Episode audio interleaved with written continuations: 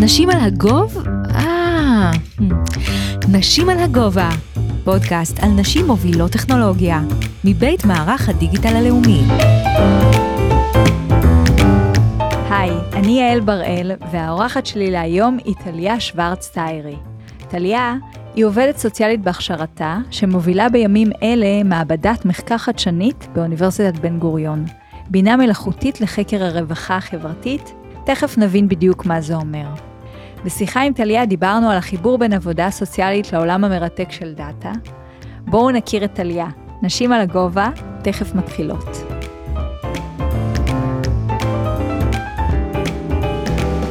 שלום טליה, איזו זכות לארח אותך בנשים על הגובה. שלום שלום, שמחה להיות כאן. כיף שבאת.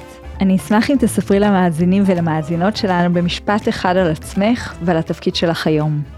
אז אני דוקטור טליה שוורץ טיירי, חברת סגל באוניברסיטת בן גוריון, בנגב, במחלקה לעבודה סוציאלית, ראשת ומקימת BGU AI for Social Welfare, שזה בעצם מעבדת מחקר אה, שמשלבת בינה מלאכותית לחקר הרווחה החברתית ועבודה סוציאלית. אז הגעת אלינו כל הדרך מהנגב? האמת שלא, האמת שאני גרה ממש פה קרוב לאולפן, אה, אבל אה, חצי מהשבוע שלי אני מבלה, כמחצית מהשבוע, באוניברסיטת בן גוריון. אז בואי נדבר שנייה על המעבדה שלך. ספרי לנו איזה מחקרים את מובילה במעבדה. כל המחקרים שלנו במעבדה משלבים שיטות של אה, ניתוח נתונים אה, מתקדם, מה שנקרא Advanced Machine Learning, רתימה של אה, שיטות של למידת מכונה, למידת מכונה עמוקה, רשתות של נוירונים, אנחנו רותמות את השיטות האלה לחקר תופעות אה, חברתיות, אה, פסיכולוגיות, כשאנחנו מסתכלות במובן הרחב על התפתחות האדם בצורה אקולוגית. זאת אומרת, בכל המחקרים שלנו, ללא יוצא מן הכלל, אנחנו לוקחות בחשבון את הילד, ילדה, את המשפחה, את הקהילה, ובמידה רבה, ברוב המחקרים גם את מגוון השירותים, שירותי רווחה, שירותי אה, בריאות, אה, חינוך, שהילד, ילדה קיבלו במרוצת השנים, או שבאמצעותם אפשר לתת מענה לקושי, לבעיה, אה, שאותו ילד, אותה משפחה מתמודדת איתה. אז בעצם, מהי המוטיבציה? איך את בעצם בוחרת את המחקרים שאת אה, מקדמת במעבדה? וגם אני ממש אשמח שתספרי לנו אילו מחקרים מתקיימים בימים אלו במעבדה. אה, זאת שאלה מצוינת, כי דווקא המוטיבציה לכל אחד מהמחקרים האלה היא מוטיבציה שמגיעה מתוך עולם העבודה הסוציאלית. מתוך עולם ורצון של תיקון עולם. ולכן, עוד לפני שאני אפילו אציג את המחקרים, אני אומר שהמחקרים שלנו הם כולם מחקרים יישומיים, שהממצאים שלנו, יש להם הם, הם, משתקפים בעולם האמיתי באיזושהי אה, צורה, אם זה של השפעה על מדיניות לאומית ואפילו בינלאומית בחלק מהמקרים, ויצירה של מערכות תומכות החלטה מבוססות בינה מלאכותית. אז למעשה את לא נשארת ברמת המחקר, את עוברת את הסייקל המלא של מחקר ופיתוח, R&D, על כדי יישום. בדיוק, זה מדויק. אני צריכה לה, להתרגל ולומר שהמעבדה שלי היא מעבדה של מו"פ, של מחקר ופיתוח, זה נכון. אז כפי שאמרתי, המוטיבציה היא מוטיבציה של תיקון עולם. המחקר הראשון שנולד במעבדה הוא מחקר שהמטרה שלו הוא לרתום שיטות של אה, למידת מכונה עמוקה, ביג דאטה, אמ, לזיהוי של מנגנוני חוסן אצל ילדות וילדים, אצל משפחות, אצל קהילות לאורך החיים. כשהיום מה שאנחנו עוד אה, מוסיפים למחקר הזה, אה, זה עוד מנגנונים ברמה הסביבתית, לדוגמה עוצמת היריקות, יריקות זה בעצם כמה ירוק יש, אה, הסביבה מספקת, סביבה אקולוגית, הסביבה הגיאוגרפית שהילד, הילדה גדלים בה, בעצם מספקת אה, ירוק, חמצן, אה, אה, כולל אפילו אה, הכנסנו למחקר הזה גני ילדים. גני שעשועים, סליחה. אה, גני שעשועים, אה, זיהום אוויר, המון איכות המים.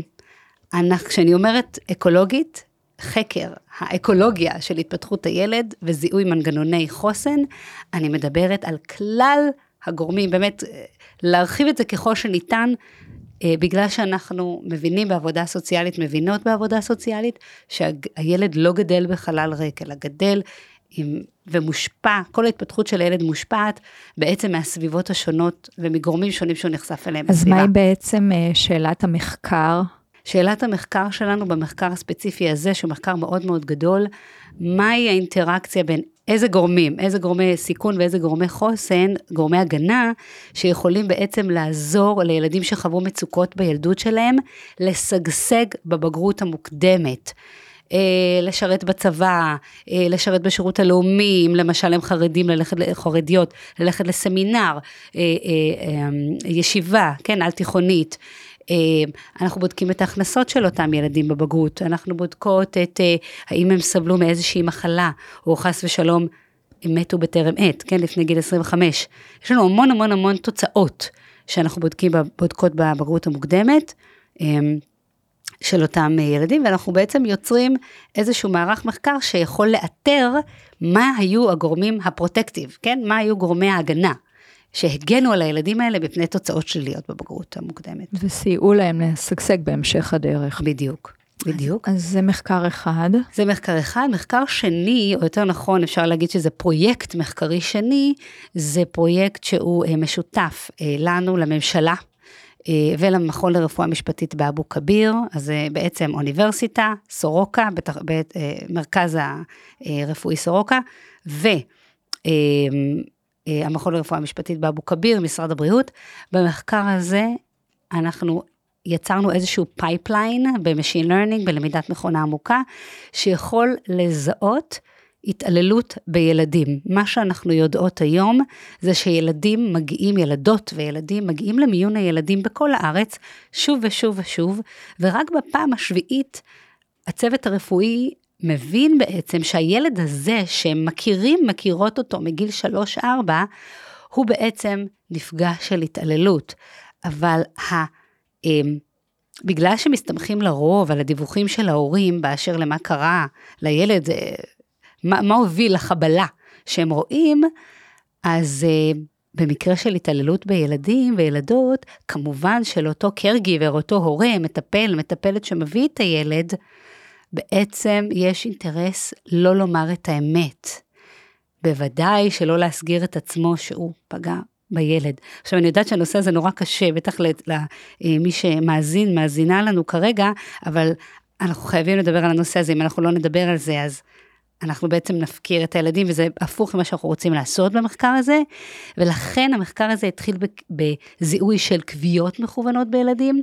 היום אנחנו יודעות ש-9.7 מכלל הכוויות בילדים הם כוויות מכוונות, מה שנקרא non-accidental, אה, ובמקרה של ה-9.7 אחוז האלה, זה abusive, זה בכוונה תחילה.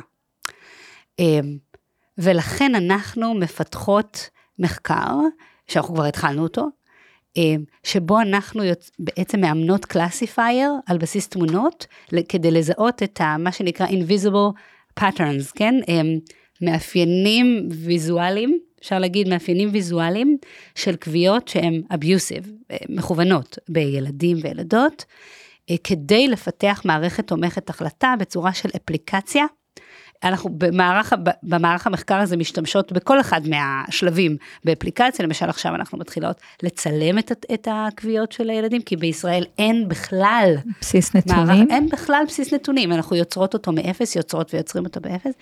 אמ, השותף שלי במחקר הספציפי הזה הוא שותף אמיץ מאוד, דוקטור דני וילנצ'יק אמ, מאוניברסיטת בן גוריון, שהוא מומחה ב-AI, ואני קוראת לו גאון AI.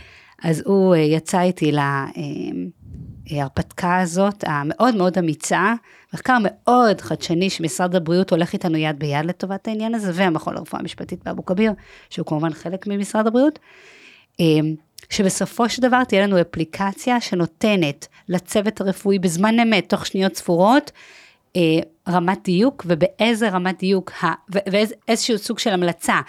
האם התמונה שהם צילמו כרגע של הקביעה של הילד היא מכוון, קביעה של, מכוונת או לא, כשהם יוכלו להשוות את התוצאה הזאת לסיפור או למקרה שהם שומעים מהקרגיבר, מההורה או מהמטפל שהביא את הילד, כדי לדעת אם לדווח או לא. אם אין התאמה בין האפליקציה, הדיווח של האפליקציה, לבין הדיווח של ההורה, אז אנחנו בעצם ממליצים אה, לפנות לחקירת אה, ילדים, מה שנקרא, ל-Child Protection אה, Services, לשירותים להגנת הילד.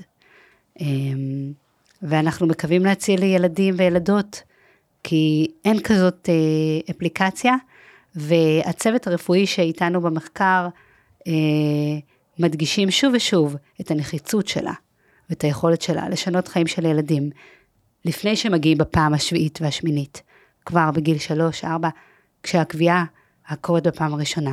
ויש לך למעשה עוד אה, סוג של מחקר או פרויקט מחקרי שאת מובילה. נכון, הפרויקט המחקרי מהסוג האחרון זה פרויקט ששם את הדגש על ה... מה שנקרא נותנות ונותני השירותים על עובדות סוציאליות בכל מערך השירותים הסוציאליים בישראל, בבתי חולים, בשירותי הגנה על ילדים, במחלקות לשירותים חברתיים, והמחקר הזה בעצם משלב בין טקסטים שכתבו עובדות סוציאליות, לבין המון מדדים כמותניים, סולמות שאספנו מהם על עומסים, על מעורבות שלהם בקבלת החלטות אה, בארגון, בשירות שבו הן עובדות. אה, אה, אני יכולה לחשוב על כמובן עוד סולמות שביקשנו מהם למלא, סטרס, אפילו על המאפיינים הפיזיים, התנאים הפיזיים של מקום העבודה שלהם, עד כמה יש להם אה, אפילו עמדת קפה, אה, מקום להתפנות, אה, מרחב אישי, שהן יכולות להיפגש עם הפונות ופונים לשירותי הרווחה. זה מחקר מדהים, שהוא התחיל עם איגוד העובדות והעובדים הסוציאליים, ומגיע להם שאפו רציני על המעורבות שלהם במחקר הזה ועל ההובלה שלו. ופה אנחנו מפעילות שיטות מתקדמות של NLP, כדי לזהות אה, טראומה, אה, מגוון הרגשות המובעים בתוך הטקסט של העובדת הסוציאלית, יחד עם הסולם, חקר בעצם כמותני אה, של המדדים הכמותניים שהיא ענתה עליהם, ומפעילות מולטי מודל, שזה איזושהי שיטה בלמידת מכונה עמוקה, לזהות בעיות בריאות של אותן נותנות שירותים, של אותן עובדות ועובדים סוציאליים. כי אנחנו יודעות שככל שהעובדת הסוציאלית חולה, כך גם הקשר, ונעדרת מעבודה, כך גם הקשר שלה עם הפונות והפונים נפגע, הקשר התרפויטי. וזה משהו שיש לו המון נפסדים, אז אנחנו רוצות אה, לשנות את זה. אז אני מנסה לדייק, שאלת המחקר כאן היא מה הגורמים המשפיעים על קבלת ההחלטות או על הטיפול של אותה? גם על קבלת ההחלטות, על הביצועים, על הביצועים, וגם על אה, המצב הרפואי של, של העובדת הסוציאלית. הסוציאלית עצמה. נכון מאוד, מדויק. נדמה שזה גם מחקר שיכול מאוד להתאים לצוותים רפואיים. בהחלט, אה, בוא נגיד שהצוות הרפואי שמעורב בפרויקטים המחקריים האחרים כבר קרצו אה, שהם מאוד היו רוצות ורוצים שזה אה, השלב הבא, יהיה מחקר, ממש רפליקציה של המחקר הזה ב setting הרפואי, בהקשרים הרפואיים של ארגונים רפואיים, בהחלט. באיזה שלב נמצא כל אחד מהמחקרים על הרצף של אה, מו"פ, מחקר ופיתוח? אז בוא נגיד שבמחקר של זיהוי מנגנוני חוסן, אה, אנחנו בשלבים מאוד ראשוניים של ניתוח הנתונים, מדובר בנתוני עתק, אה, מה שנקרא, כשאנחנו מוסיפות עוד ועוד סוגים של פיצ'רים אה, למערך מחקר הזה, ולכן אני חושבת שבשלב הזה, חוץ מממצאים ראשוניים שמלמדים אותנו איזה סוגי שירותים, מה מאפיין אותם, שיכולים ליצור חוסן לאורך החיים מהילדות עד לבגרות המוקדמת, יש לנו ממצאים ראשוניים כבר בהיבטים הללו שקשורים לשירותים, אבל המטרה שלנו היא ביג טיים, כאילו לגלות בצורה מאוד מאוד אה, אה, הוליסטית מה גם בסביבות היותר רחבות, לא רק השירותים, לא רק מה שקורה אצל הילד ואצל המשפחה ובשירותים, אלא מה קורה בסביבה הגיאוגרפית שלו, זה עכשיו המסע שאנחנו יוצאים אליו, ולכן אנחנו במחקר הזה נמצאים דווקא בשלבים ראשוניים, נמצאות. במחקר של אה, זיהוי התעללות, אנחנו אה, באמצעות אה, ניתוח תמונות של כוויות, פה אנחנו כבר פיתחנו אפליקציה ראשונה, שזאת אפליקציה שבצורה אנונימית מותממת שולחת תמונות בזמן אמת למכון לרפואה משפטית באבו כביר, שם אנחנו מתייגות, מתייגים את התמונות, מומחים מתייגים אותם. אה, ודווקא המחקר על העובדות הסוציאליות, אנחנו נמצאות בשלב המתקדם ביותר, שבו יש לנו מודל שמלמד אותנו איזה רגע, אילו רגשות משחקים תפקיד, אה, באיזה הקשר ארגוני. אה, תחת איזה רמות של סטרס ותחת איזה רמות של למשל תנאים פיזיים. העובדת הסוציאלית תהיה נתונה לבעיות בריאות לפגיעה קודם כל בכשירות שלה, בביצועים שלה, ולבעיות בריאות יותר אה, חמורות. אני לא יכולה לספר את כל הממצאים כי המאמר עדיין לא התפרסם, אבל תאכלו לנו שזה יתפרסם בקרוב, ואז אנחנו כמובן נצא עם הודעה לעיתונות, אה, ונעשה את זה בצורה... שיהיה אה, בהצלחה. שתשפיע. ככה דיברת על הרבה מאוד טכנולוגיות שאתם עושים בהן אה, שימוש אה, לטובת המחקרים, אה, ואני שואלת עצמי, מי הם השותפים שלך במעבדה?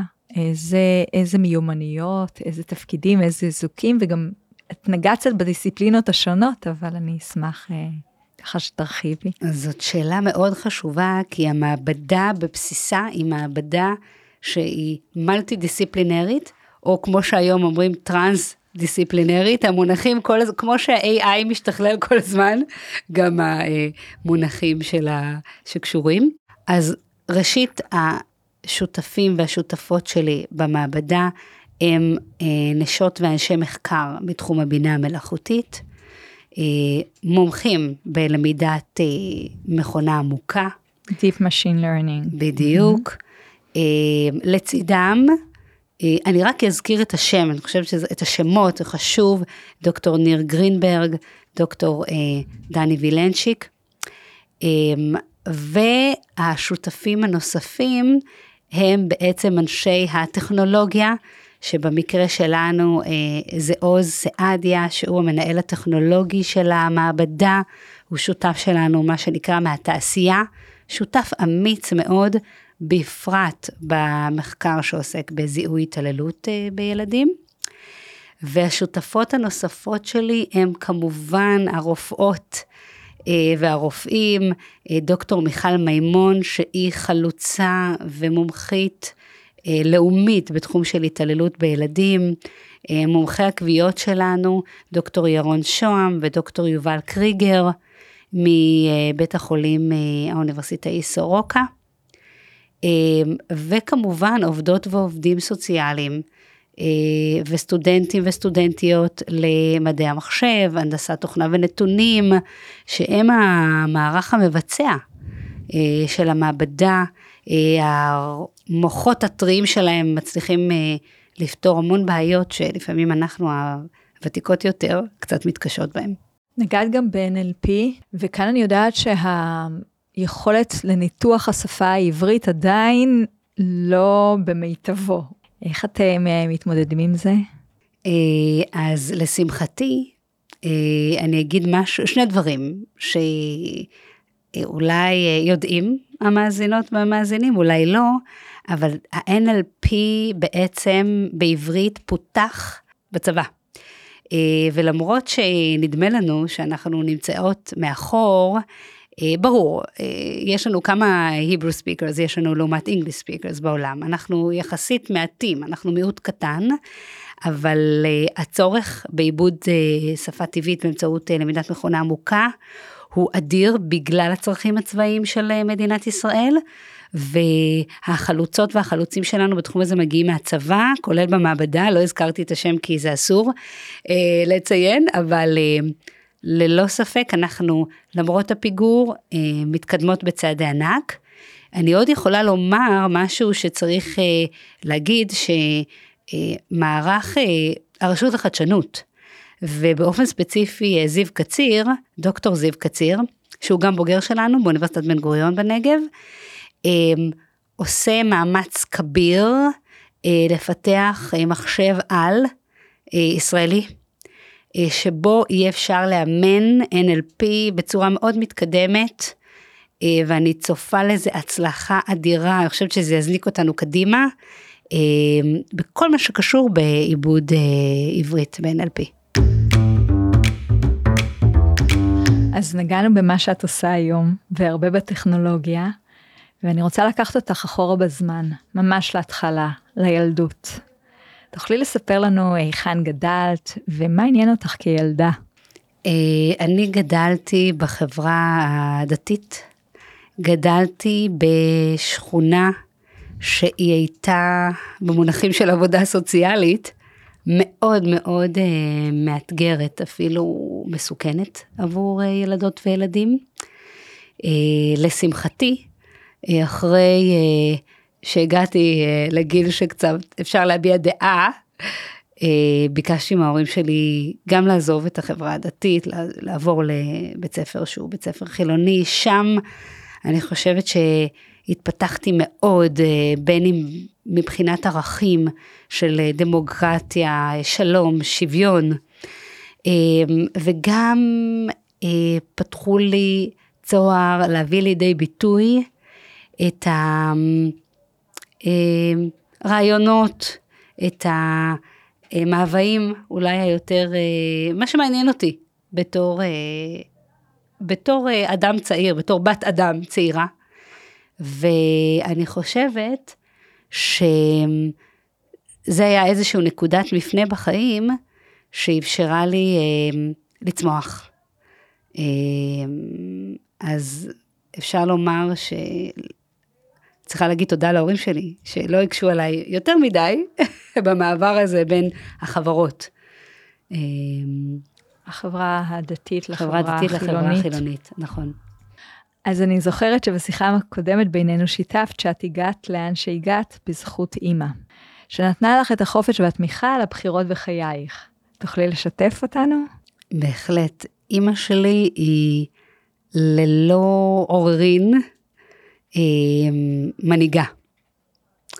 אה, גם הרקע שלה לא פשוט בכלל, אה, גדלה במשפחה מרובת ילדים אה, עם עוד עשרה אחים ואחיות מלבדה, חוץ ממנה, וגדלה בהקשר לא פשוט שלנשים אין מקום להתפתח, להתבטא.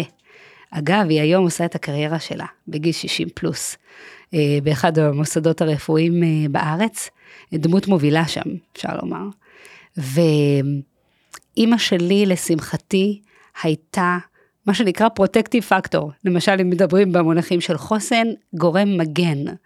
שלמרות uh, הסיכונים שציינתי, שסיפרתי לכם עליהם קודם, השכונה שגדלתי בה, דאגה תמיד שאנחנו, הילדים וילדות, נהיה מוגנות, דאגה לטפח את הרצונות שלנו. Uh, אני אפילו זוכרת שכשהיא uh, הייתה נותנת לי, כשהייתי טינג'רית, היא הייתה נותנת לי דמי אה, כיס מוגדלים, מוגברים, כי היא ידעה שאני הולכת לקנות מגזינים באנגלית. זה היה כשהייתי בת 12-13 והייתי קוראת מגזינים באנגלית, הייתה חנות אה, כמה אה, קילומטר מהבית שלנו, הייתי הולכת וקונה לבד, והיא אה, ידעה לזהות את הכישרונות, היא ידעה לזהות שאני צריכה ללמוד באוניברסיטה. ועודדה אותי לעשות את זה למרות שאף אחד מבני המשפחה, לא המורחבת ולא הקרובה, עוד בכלל התקבל וביקר במוסד הזה, כן? אה, תמכה בי לאורך אה, אה, לימודי התואר השני והדוקטורט. ועד היום היא דמות משמעותית מאוד, אה, שלא רק שאני בזכותה בעבודה סוציאלית, כן? אהבת אדם, ערכים שהיא גידלה אותנו אה, עליהם, אלא היא המנגנון של האומץ, אה, שנמצא ככה בבסיס האישיות שלי, שמאפשר לי לעשות דברים שלא דמיינתי לפני כמה שנים שאני אעשה אותם. איזה כיף לשמוע שאימא הייתה לביאה גם בשבילך ושברה מוסכמות גם בעצמה. חסר לי קצת צבע, תארי לי עוד קצת על השכונה שגדלת בה. וואו, השכונה שגדלתי בה הייתה שכונת נווה עמל, שביב, בהרצליה. שומעים הרצליה, ויש נטייה לחשוב שהרצליה שהייתה בעבר, היא הרצליה שהיא היום, שזה רחוק מלהיות אמיתי, מלהיות נכון. אה, השכונה שלנו הייתה שכונת מעברה. אה, כשהייתי חוזרת מבית הספר שבו למדתי, ביסודי, אה, הייתי עוברת עוד דרך, היו עוד פחונים של מעברת גניה, קראו לזה מעברת גניה. היו עוד פחונים שאו שימשו כמחסנים, או שאני אפילו חושבת שאנשים עוד עדיין גרו שם, אני מדברת על אמצע שנות ה-80, לקראת סוף שנות ה-80, ויש משם זיכרונות לא פשוטים של עוני מאוד מאוד גדול, של הזנחה, של... היה שם בית קולנוע שהיה סגור במשך שנים רבות, מקום די מסוכן, היו בו זכוכיות שבורות, מזרקים. ואני זוכרת שכשהיינו ילדות וילדות, וילדים קטנים, אז היינו ממש עוברים, והיינו נכנסים מהסקרנות. היום אני מבינה את גודל הסכנה, אבל uh, כילדות וילדים לא היה לנו שמץ של מושג, לא היה לנו למה להשוות, אבל זאת השכונה שגדלתי בה, לצד הזיכרונות הטובים, יש גם uh, הלם מההבדלים. בשכונה שאני גרתי בה וגדלתי בה, לעומת uh, אנשים אחרים שעובדים איתי באוניברסיטה, אני חושבת שההזדמנויות שלהם ומסלול החיים שלהם היה שונה לחלוטין ממסלול החיים שלי. ובכל זאת אני שואלת, איך הופכת ילדה משכונה שכזו למקום שהגעת אליו היום? האם אה, את ידעת מה את רוצה להיות כשתהיי גדולה כילדה? ידעתי בוודאות ומגיל מאוד צעיר שאני רוצה לשנות, אה, ושאני רוצה לעשות, לעשות את זה בגדול. אמ, כילדה, כמתבגרת, היה, הייתה לי בעיקר הרבה מוטיבציה, אבל אה, לא ידעתי איך עושים את זה.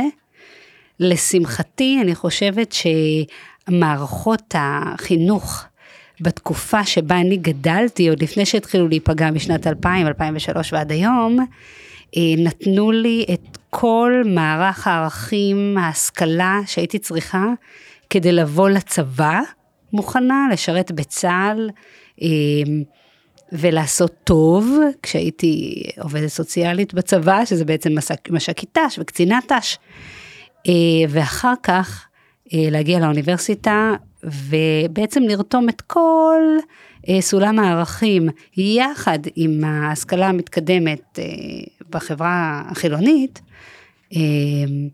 כדי לבנות את המעבדה, כדי לרתום לתוכה אה, אנשי צוות, נשות צוות אה, מהטובות והטובים ביותר, כדי להשפיע על ילדות וילדים ומשפחות בישראל. אז כבר סיפרת לנו שבצבא עסקת אה, בעבודה סוציאלית, ואת מגיעה לאקדמיה ועושה מה? לומדת מה? התחלתי בלימודי עבודה סוציאלית, תואר ראשון, התחלתי את לימודי העבודה הסוציאלית בגיל די מאוחר, שוב, דור ראשון להשכלה, uh, לקח לי זמן להבין שאני באמת מסוגלת בכלל אה, להיות חלק מהאוניברסיטה. לשמחתי, בסוף התואר הראשון הציעו לי מאוניברסיטת תל אביב להמשיך ישירות לתואר שני, ולמעשה אחרי סמסטר אחד כבר עברתי למסלול הישיר לדוקטורט. הדוקטורט שלי עסק במהם הגורמים שתורמים למעורבות של עובדות ועובדים סוציאליים בזירות שבהם נקבעת מדיניות עבור הפונים והפונות לשירותי הרווחה. אה, וזאת בעצם הייתה הדרך שלי, אה, תחילת המסלול, אה, להשפיע ברמה הלאומית, ברמה, ברמת המדיניות על חיים של אנשים. ובאותה תקופה במקביל עסקת, עבדת כעובדת סוציאלית? עבדתי כעובדת סוציאלית כבר במהלך התואר הראשון, אה, וגם בתחילת התואר השני, עד כשנה לפני סיום הדוקטורט הייתי עובדת סוציאלית פעילה, אה, ולכן ליבי תמיד בעבודה סוציאלית. אז למה בעצם הפסקת אה, לעבוד כעוסית? אני חושבת שכשסיימתי את הדוקטורט היה ברור לי שאני רוצה להמשיך במחקר, ושאני רוצה להשפיע באמצעות אה, מחקר על, אה, על מדיניות לאומית, כי זאת אחת הדרכים המועילות ביותר לשנות לטובה חיים של ילדים, חיים של משפחות, חיים של קהילות, במיוחד קהילות מוחלשות. בדף הפרופיל האקדמי שלך באתר אוניברסיטת בן גוריון, את כותבת בנתונים שקיימים ברשות המדינה, נמצאים מפתחות רבים לשיפור השירותים החברתיים ולשדרוג איכות החיים של האנשים הזקוקים להם. שיטות של אינטליגנציה מלאכותית AI יכולות לסייע לנו לגלות אותם. תוכלי להרחיב דווקא על הנתונים שקיימים ברשות המדינה? דאטה שקיים במערכות הממשלה וכשאני אומרת מערכות הממשלה, אני מדברת על משרד להגנת הסביבה, על משרד הרווחה והביטחון החברתי, על משרד הבריאות, על משרד החינוך ועוד ועוד. יש את כמעט כל מה שאנחנו צריכות כדי להשלים את המחקר עד היום בעבודה סוציאלית. מה שאנחנו עושות במעבדה, האופן שבו אנחנו רותמות את סוגי הדאטה השונים, אנחנו מבצעות מה שנקרא Data Linkage, איחוד רשומות. המעבדה היא בעצם המעבדה הראשונה בישראל שמבצעת בתחום שלנו Data Linkage, איחוד רשומות. מה שאנחנו, מה שמאפשר איחוד הרשומות, זה לקבל את אותו מבט הוליסטי אקולוגי על המערכות השונות שסובבות את המסלול החיים של הילד והילדה, ולעקוב אחריהם על פני רצף השנים. ולכן טמון פה בדאטה הזה אוצר. כי אם אני מחברת את רשומות הלידה, שזה מה שאנחנו עושות, של הילד, ילדה, לרשומות של משרד הרווחה, אני יכולה לבדוק, לגלות איזה מצוקות אותו ילד, ילדה חווה במהלך הילדות שלו, וגם מחברת לנתונים האלה אה, רשומות של מינהל האוכלוסין וההגירה, חינוך, בריאות, אה, צבא, שירות לאומי ועוד ועוד, אני מקבלת תמונת אורך על התפתחות הילד ועל גורמי הסיכון, אבל גם על גורמי החוסן, שעוזרים לו לשגשג בבגרות המוקדמת. ולכן, אני חושבת שמה שאנחנו עושות במעבדה זה בעצם לעשות activate לעוצמה של איחוד הרשומות הללו, לעוצמה של הדאטה הזה. אבל זה לא היה קורה אילולא היו לנו שני דברים. אחד, את העבודה הסוציאלית שמסתכלת בצורה אקולוגית על חיי האדם, וכמובן שיטות של בינה מלאכותית שמאפשרות לנו לחבר בין הרשומות הללו, לחקור בעצם את מסלול החיים של הילדים לאורך הזמן באמצעות למידת מכונה עמוקה, ולפתח מערכות תומכות החלטה עבור אה, נותנות השירותים לאותן אוכלוסיות. טליה, איך אה, בעצם חשבת על החיבור בין עבודה סוציאלית לבין דאטה ובינה מלאכותית? זאת שאלה מאוד מעניינת, כי מבחינתי החיבור היה כמה שהוא נשמע, כמה שעבודה סוציאלית נשמעת רחוקה מבינה מלאכותית, מאוד טבעי. במהלך התואר אה, השני, תחילת התואר השני ובמהלך הדוקטורט, במקביל למחקר הדוקטורט, עבדתי כמעריכה, בעצם evaluation, הערכה של תוכניות לאומיות, חלקם היו מיזמים משותפים עם אה, משרד, הביטח... משרד הרווחה והביטחון אה, החברתי, ובמסגרת אה, אותם מחקרי הערכה הרגשתי שאנחנו מפספסות משהו. כשאנחנו רוצות להעריך תוכנית, אנחנו מעריכות בדרך כלל את התוצאות המיידיות שלה. וגם אנחנו מסתכלות על, התוכנית, על האפקט כתוכנית, אפקט של תוכנית אחת בלבד. ולמעשה, בישראל, עד לפני ארבע שנים, לא השתמשו בכלל בנתונים אדמיניסטרטיביים, באותו דאטה ממשלתי שאנחנו uh, מדברות עליו. ואז הבנתי את העוצמה בעצם, גם במהלך הדוקטורט וגם ב... כשהייתי בפוסט-דוקטורט, אה, ושם נחשפתי לשיטות המתקדמות של למידת מכונה, אה, את הפוטנציאל הטמון ברתימה של נתונים ממשלתיים, כדי לבדוק קומבינציה של אפקט של קומבינציה של שירותים שאותו ילד או אותה משפחה קיבלה.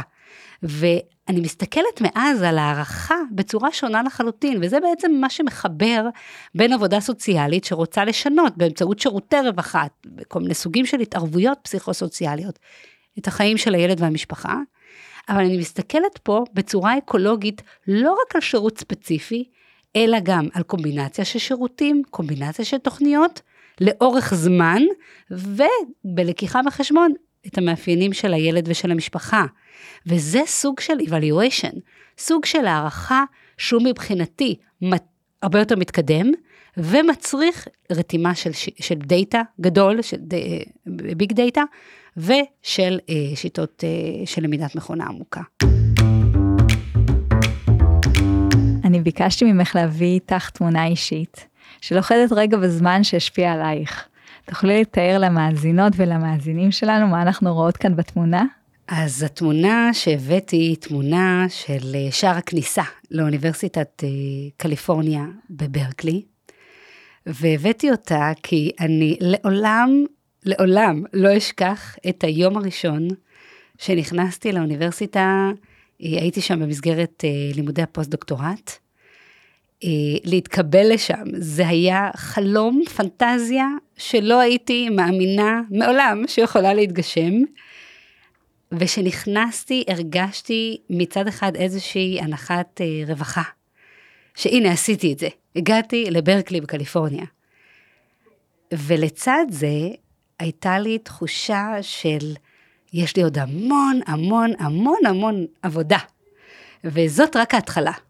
הכניסה הזאת לאוניברסיטה בברקלי היא רק ההתחלה של משהו הרבה יותר גדול, וגם אז עוד לא ידעתי מה מצפה לי עם ההקמה של מעבדת המחקר, וכל, והכניסה לעולם הזה של בינה מלאכותית, והשילוב עם עבודה סוציאלית ורווחה, אמ, זה היה עוד בגדר הפנטזיה. אבל הבנתי שחלומות מתגשמים, וזה משהו שאנחנו כנשים צריכות אה, לזכור, שלצד אה, רצונות אולי זוגיים, משפחתיים, תמיד תמיד להחזיק את האמונה שאנחנו יכולות לעשות דברים ענקיים, לא גדולים, ענקיים, אה, ולשנות בגדול. וזה משהו שהייתי רוצה שמי שמאזינות, גם אם הן סטודנטיות בתואר הראשון, או אפילו לא סטודנטיות, מתבגרות, אה, ייקחו בחשבון ויקחו את זה בתור איזשהו לקח של מישהי שעברה מסלול לא פשוט, עד שהגיעה לאן שהגיעה היום. טליה, את מהממת, ואת מרגשת, ואת מעוררת השראה ללא ספק. תודה רבה רבה. תודה. תודה רבה שהאזנתן והאזנתם לנשים על הגובה. מקווה שקיבלתן ערך, למדתן וגם נהנתן. תמשיכו לעקוב אחרינו בכל מקום שיש בו פודקאסטים ולשתף עם חברות ועמיתים. אני יעל בראל, מנהלת קהילות מערך הדיגיטל הלאומי. נשתמע בפרק הבא. נשים על הגובה, פודקאסט על נשים מובילות טכנולוגיה, מבית מערך הדיגיטל הלאומי.